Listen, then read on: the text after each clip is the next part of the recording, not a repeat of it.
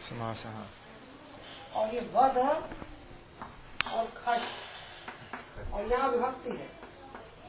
इसका इसका दुख हो जाएगा तो बना प्रिय और वध और आ।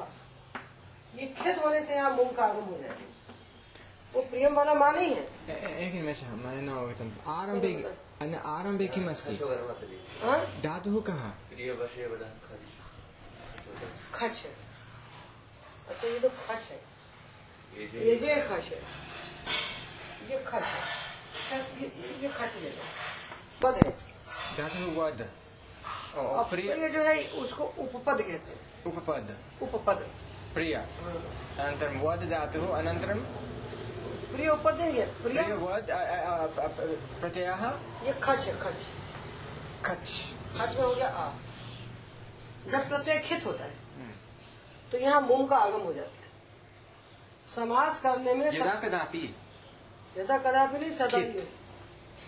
सदा। सदा न यदा कदापि खित न खित् अस्ति तदा मु- मुमागमः भवति। कस्यवत् अरुद्विषत् अजन्तस्य। सर्वेशा न भवति। अरुर्द्विषत् और अजन्तस्य। अजंत अंग होगा तुम मगम और हलंत में दो शब्दों को होगा। हलंत में दो शब्दों को तो समास की पहली शर्त है कि विभक्ति का लोप कर दीजिए। हाँ। जैसे हमने कहा राज्ञा पुरुष है। राज्ञा पुरुष है। तो ये इसको पहले हम ये लौकिक विग्रह है। लौकिक यानी लोक में बोलते हैं। इसको अलौकिक बना दीजिए। अलौकिक है जो लोक में बोला जाए। तो क्या करेंगे इसको? राजन बस।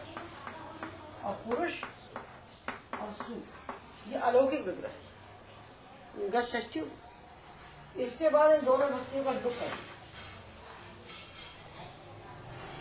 ये समाज का क्रम है। पहले लौकिक विग्रह। फिर अलौकिक विग्रह। फिर सुख का लुक। अलौकिक प्रातिपदिक प्रातिपदिकं विभक्ति को अलग अलग लिख दो। भवति। दोनों को अलग। अलग लिख दो। फिर विभक्ति का लुक कर दो। इसका नाम है शुभ लुक। इसका नाम है शुभ लुक। सु शुभ लुक शुभ का लुक शुभ का लुक शुभ का लुक होता है सुप का लुक शुभ का लुक शुभ सुप लुक ओ सुप का लुक सुप लुक जितने भी शुभ है दो पद है दोनों पदों के शुभ को हटा दो उसका लुक कर दो और अब जब लुक कर दिया तो लुक करने के बाद हमारे सामने बच्चा अब राजन पुरुष ये ये बचा इनका समास हो।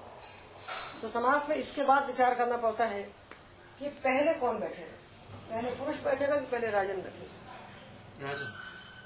पूर्व निपात पहले बैठना है पूर्व निपात और बाद बैठना है पर निपात ये जब गेट तो आज इसको समझाओगे पूर्व निपात पर निपात पूर्व निपात पहले बैठना तो पूर्व निपात और बाद बैठने का नाम पर निपात होता है पहले क्या बैठना और बाद अगर पुरुष पहले आएगा कि राजन पहले बैठा हो समास में दो शब्दों का समास कर रहे हो तो पहले पुरुष को रखें कि पहले राजन को रखें? राजन पहले नहीं क्यों? तुम्हारे घर थोड़ा रखेंगे।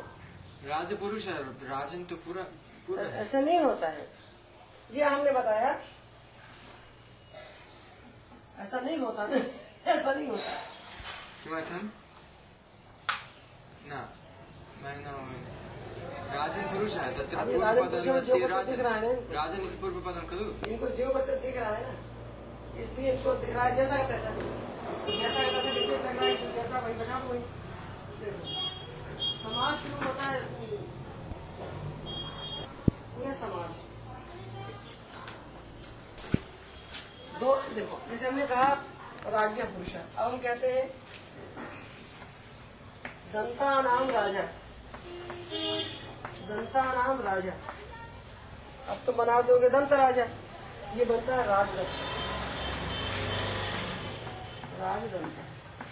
यहाँ राजा पहले चले जाता है दंत राजदंत। ऐसा भी होता है। इसलिए इसके इसलिए इसके लिए सूत्र है। वो बताएँगे आपको कि कौन पहले बैठेगा कौन बैठेगा ऐसा। पहले बैठने पूर्व किसको पूर्व निपात होगा और किसको पर निपात होगा। दुर्गेश आज तुम इनको समाज निपात- थोड़ा थोड़ा सब सब पढ़ाते जाओ। थोड़ा सा पढ़ो समाज थोड़ा पढ़ो सुबंध और तिगन तो वहाँ चल ही रहा है उसमें तो तुम्हारी तुम्हारा प्रवेश है उसको हम करा देते हैं। थोड़ा सुबंध तो थोड़ा समास। निपात का क्या मतलब है? निपात यानी बैठना। निपात माने बैठना? हाँ निपात यानी चला गया यहाँ। अच्छा अच्छा। निपात यानी कर दिया जाए अच्छा।